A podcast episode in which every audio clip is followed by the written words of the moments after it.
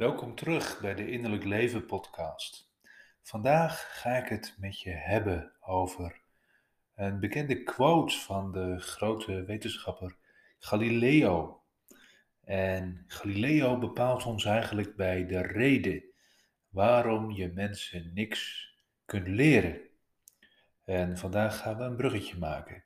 Niet alleen van Galileo naar de gedragsgerichte psychologie maar ook naar innerlijke ontwikkeling, naar bewustzijnsontwikkeling, naar zelfkennis. En we gaan beginnen met een klein beetje kerktrauma's. Ik had het lef niet om deze aflevering ook zo te titelen, kerktrauma's. Maar ik heb er een paar leuke verhalen en anekdotes over.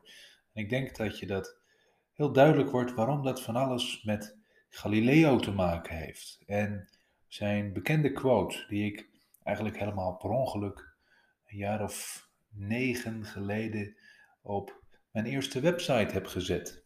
You cannot learn a man anything. You can only help him find it within himself. Dat was de quote van Galileo. En ik denk dat ik op dat moment nog niet in de gaten had hoe belangrijk die quote later zou worden voor mijn werkwijze, maar ook eigenlijk mijn kijk op het leven. En deze podcast heet de Innerlijk Leven Podcast. En daar ligt natuurlijk al een grote nadruk op de binnenkant. En eigenlijk past dat naadloos bij wat Galileo hier ook uitdrukt. Maar dat had ik zoveel jaar geleden nog helemaal niet in de gaten. Toch wist die quote zich op een of andere manier gewoon onder mijn aandacht te worstelen en op mijn website terecht te komen. Het goede nieuws is natuurlijk dat hij daar jarenlang heeft gestaan en ik begon hem steeds leuker te vinden. Voor we naar Galileo toe gaan en het belang van deze quote voor innerlijke ontwikkeling, eerst even wat ontboezemingen van mijn kant over kerktrauma's. Kerktrauma's. Nou, ik begrijp dat je dat heel serieus kunt uitdiepen. Natuurlijk heb ik ook mensen in therapie gehad die getraumatiseerd zijn geraakt in een religieuze setting of in een kerkelijke setting. En heeft vaak helemaal niks met dat geloof zelf te maken of met die geloofsbeoefening zelf. Of niet uitsluitend, maar het is natuurlijk wel heel erg pijnlijk. En ik wil met dit woord niet suggereren dat er ook geen echte kerktrauma's zijn, maar in dit geval bedoel ik het misschien wel wat lichter om een belangrijk stukje van Galileo's quote toe te lichten. Ik ben organist en ik heb jarenlang in mijn studententijd in de Amsterdamse Westerkerk gespeeld. De Westerkerk was er tijdens het Grachtenfestival, maar ook in het zomerseizoen een concertserie op de vrijdagmiddag in de lunchpauze. En in Amsterdam zijn altijd toeristen. Dat weet je. En die komen altijd naar die concerten. Nou is er voor orgelconcerten een heel belangrijk verschil.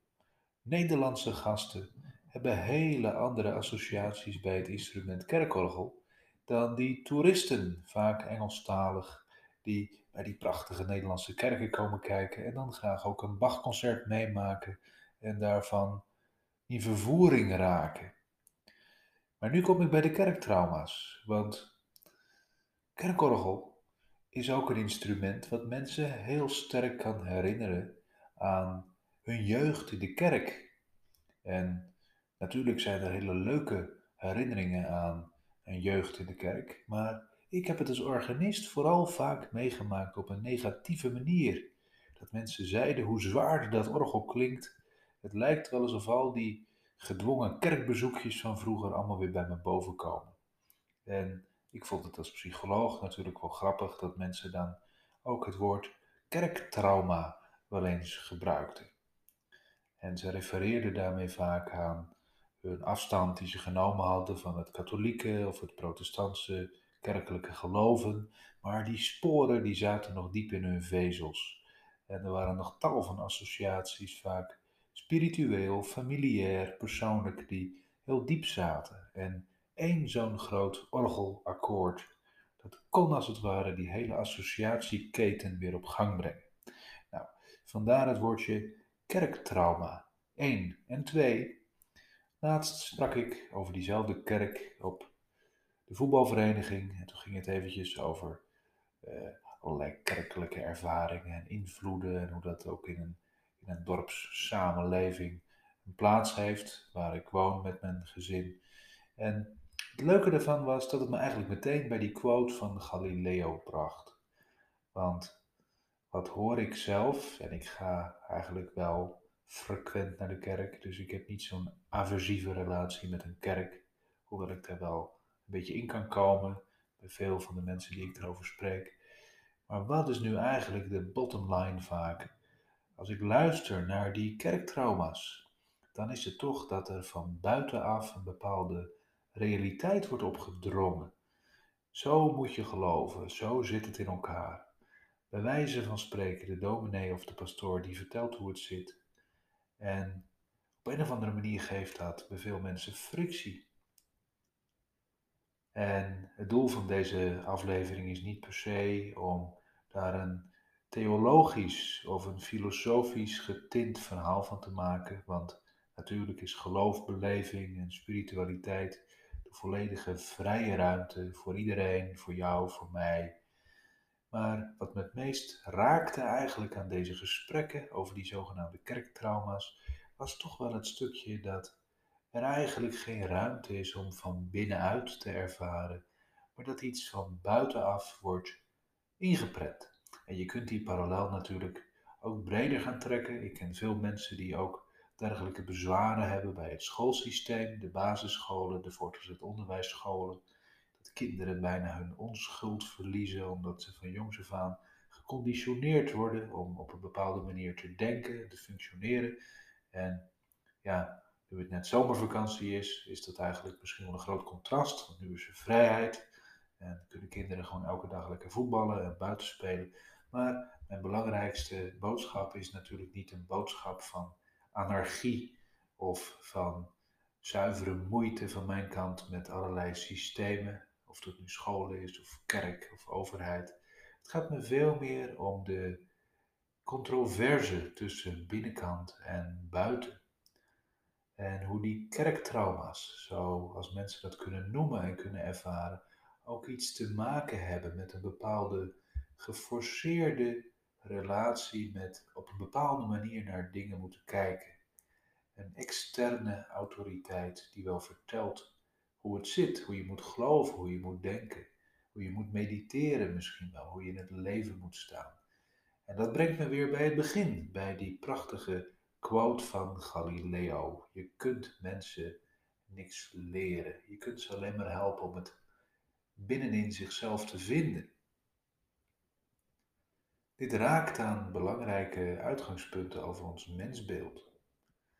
Want als er bij mij van binnen iets te vinden is, dan betekent dat ook dat daar een ongerealiseerd potentieel kan zijn. Dat ik een bron in me draag waar ik kennelijk uit kan leren putten, zonder dat ik dat misschien voldoende gerealiseerd heb. Het is latent aanwezig, het wacht om ontwikkeld, om ontplooid te worden.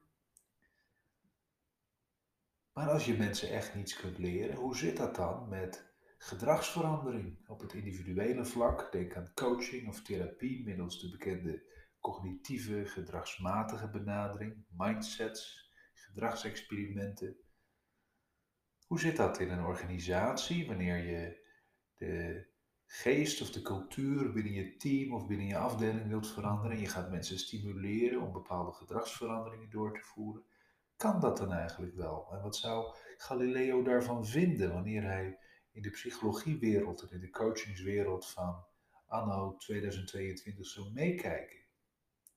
En komen onze grootste veranderingen nu eigenlijk van buitenaf of van binnenuit? Ik zal er geen geheim van maken dat het van buitenaf moeten veranderen uh, voor mij altijd een spanningsveld is geweest. Ik heb daar een haat-liefde verhouding mee. Om nog maar even de muziek erbij te pakken, herinner ik me dat ik in mijn conservatoriumtijd soms bepaalde maten of fragmenten van een muziekstuk eindeloos herhaalde, om het als het ware van, het spreekwoord zegt het al, van buiten te leren, te automatiseren, uit het hoofd te leren, eigen te maken. En natuurlijk is een muziekstuk, een partituur, iets externs. Dat moet ik als het ware downloaden, dat moet ik studeren om het eigen te maken. Maar geldt dat eigenlijk wel voor verandering van mensen, voor groei van mensen? Ik weet nog dat ik als beginnend psycholoog veel met de cognitieve gedragstherapie moest werken. Nog steeds een van de grootste stromingen in de wetenschappelijk onderbouwde psychologie van nu. En het ging er dan eigenlijk ook om om eigenlijk mensen te leren omdenken, anders denken, ander gedrag verzinnen. Hoe zou je het ook kunnen doen? En natuurlijk zat er een pastoraal element in om met mensen mee te denken, mogelijkheden te zoeken, te schetsen, daar een uitwisseling over te hebben. Maar het programmeren van gedragsverandering, het mechanisch omgaan met gedrag, dat stuitte me toch wel tegen de borst. En daar kon ik aardig onderuit komen door dat gewoon op mijn eigen manier toe te passen. Ik denk dat ik regelmatig goed ben weggekomen daarmee.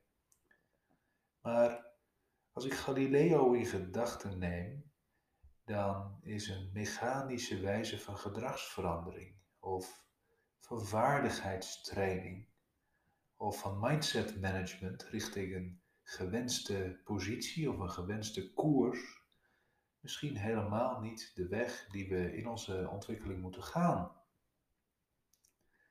En welke vragen geeft ons dat eigenlijk?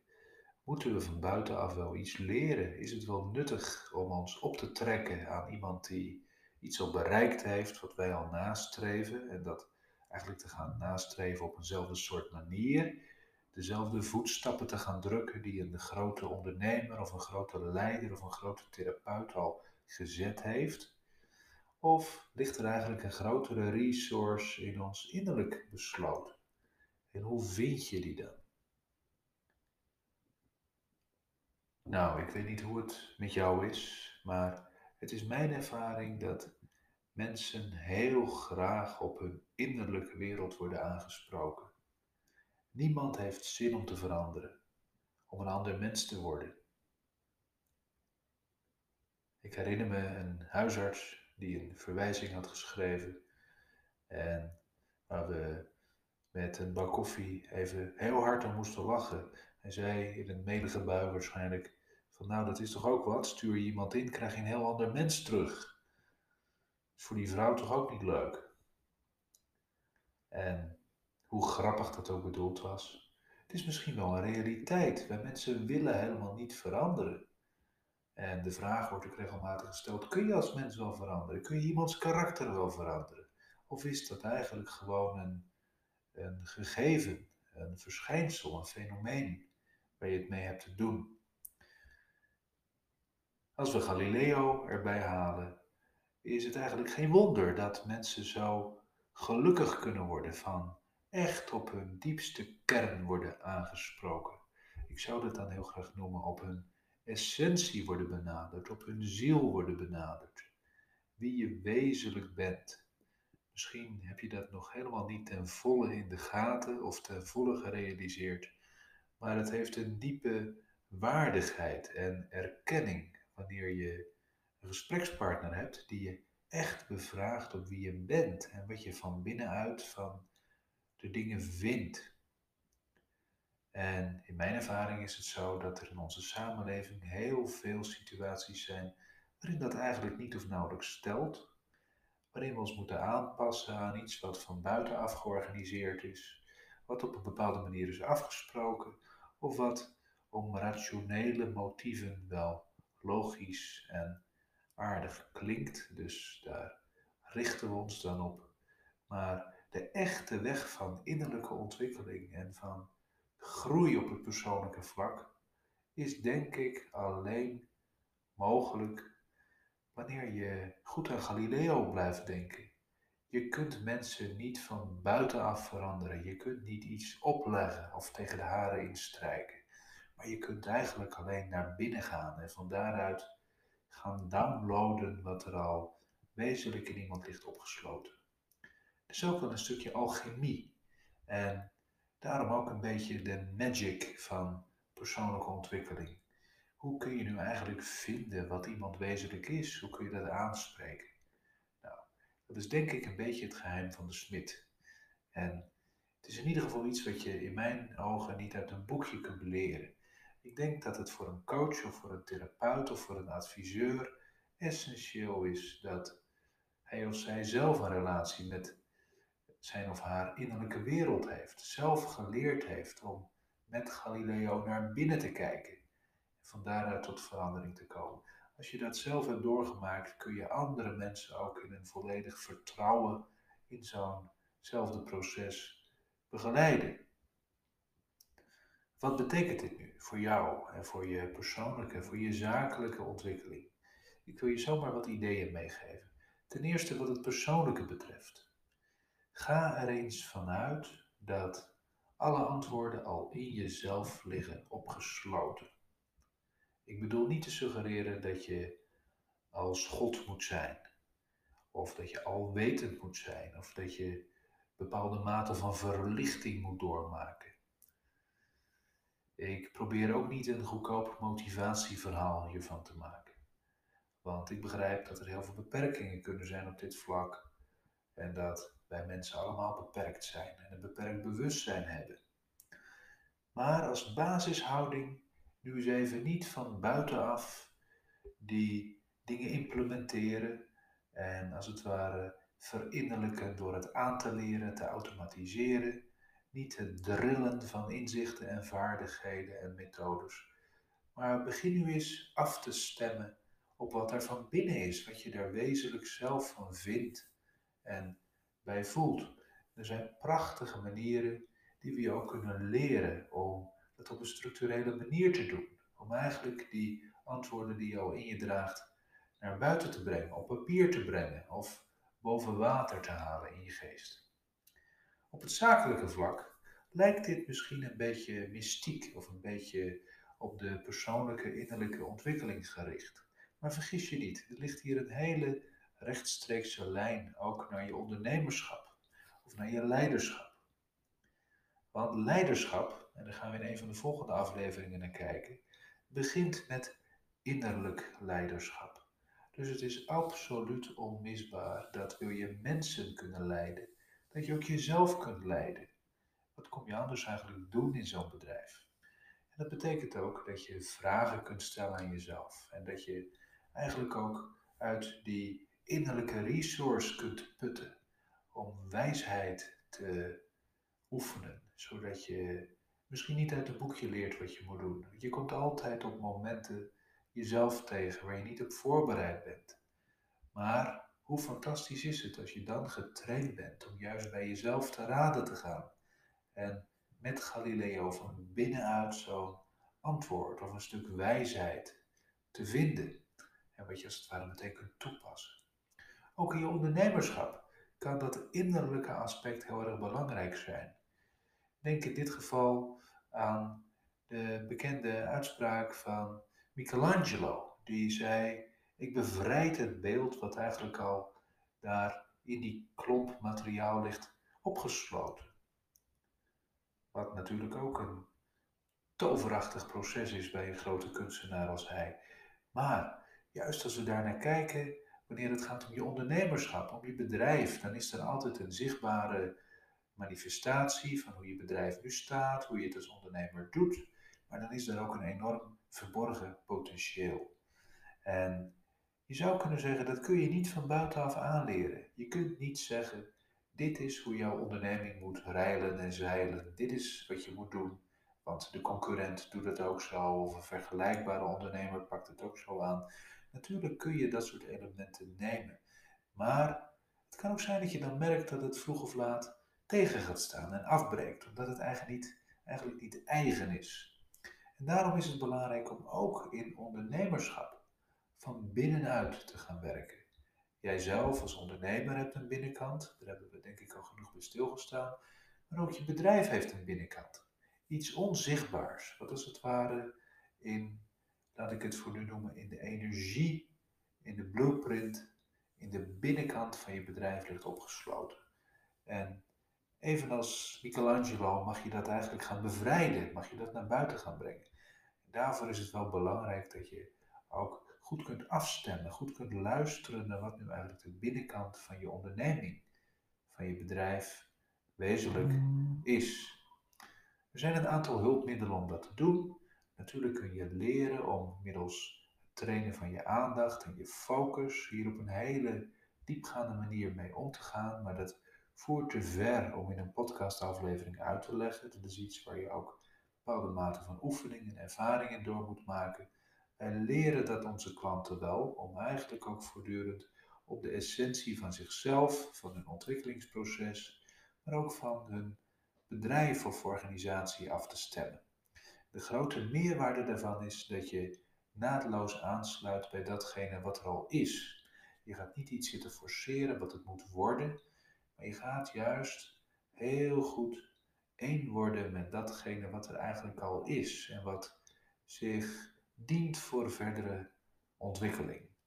Dus het leidt tot een veel natuurlijker groeiproces dan wanneer je van buitenaf dingen gaat opleggen. Hoe kun je dat nu doen? Nou, je kunt heel concreet gaan kijken naar de grootste blokkades waar je tegenaan loopt. Omdat juist wanneer je in je bedrijf je neus stoot, ervan uit kunt gaan dat er een belangrijk leermoment is, wat ook iets zegt over hoe het in wezen in je bedrijf is. Je kunt eigenlijk ook zien wat je klanten je spiegelen. En als het om leiderschap gaat, wat je mensen je spiegelen. Ga ervan uit dat dat stukje van de binnenkant, van de essentie, wat je zelf nog niet ziet, dat dat vooral door andere mensen gespiegeld wordt. Als je klanten je te duur vinden, twijfels hebben over je garantieregelingen, bijvoorbeeld, zou het dan kunnen zijn dat je daar eigenlijk zelf nog werk aan te doen hebt. Dat mensen naadloos datgene oppikken wat nog niet overtuigend is. Zou het kunnen zijn wanneer je mensen in je organisatie klagen over een gebrek aan verbondenheid en warmte, dat het iets is wat eigenlijk ook in je organisatiecultuur een rol speelt en dat je daar als leider ook veel meer op gaan acteren moet. Het zijn allemaal manieren om naar buiten te kijken en van daaruit ook naar binnen te gaan kijken. En niet van buitenaf een verandering opgelegd te krijgen, maar juist steeds gedetailleerder, aandachtiger en preciezer af te stemmen op de binnenkant van de dingen. Terug naar de kerktrauma's. Met een dikke knipoog confronteren die ons misschien wel met hoe tegen natuurlijk het voor veel mensen is om iets aangepraat en aangeleerd te krijgen. Wij willen niet veranderen, wij willen niet geforceerd worden, wij willen in alle natuurlijkheid van binnenuit kunnen groeien en ontdekken. Maar daar zit ook onze allergrootste onzekerheid. Want we vinden het heel erg eng om op onze innerlijke wereld te vertrouwen. En daarom zoeken we allemaal doekjes voor het bloeden en trekken we hier en daar wat uit de muur om zekerheid te verschaffen. Maar vroeg of laat gaat het eigenlijk failliet of is het uitgewerkt en worden we alsnog teruggebracht bij het zoeken naar binnen. Want je kunt iemand niks leren, je kunt iemand niet geprogrammeerd veranderen. Of dat kan wel, maar dat heeft destructieve gevolgen. De meest zuivere route is om onvoorwaardelijk contact te maken met de binnenkant van jezelf, van je leiderschap, van je bedrijf of je organisatie. En van daaruit tot hele natuurlijke veranderingen te komen. Ga deze week in stilstaan bij jezelf en bij de mensen om je heen. En zie waar ze geforceerd zijn. Waar ze eigenlijk recalcitrant worden, waar ze protesteren tegen gevraagde veranderingen.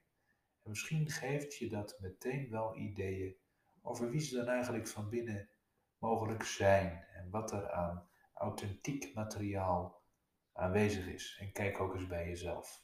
Ken jij ook spreekwoordelijke kerktrauma's waar je onder druk bent in wie je bent, in je natuurlijke ontwikkelingen, in je natuurlijke neigingen, hobby's, activiteiten. Misschien niet in het schoolsysteem gepast of een beroepsgroep waar je je niet helemaal thuis voelt. Allemaal dat soort onderwerpen kunnen verband houden met deze thematiek. Ik hoop dat het je aanzet om heel veel van binnenuit te gaan werken en te stoppen met jezelf te veranderen. Zelfs al is het heel hard nodig om te veranderen, doe dat alsjeblieft niet van buitenaf, maar begin van binnenuit.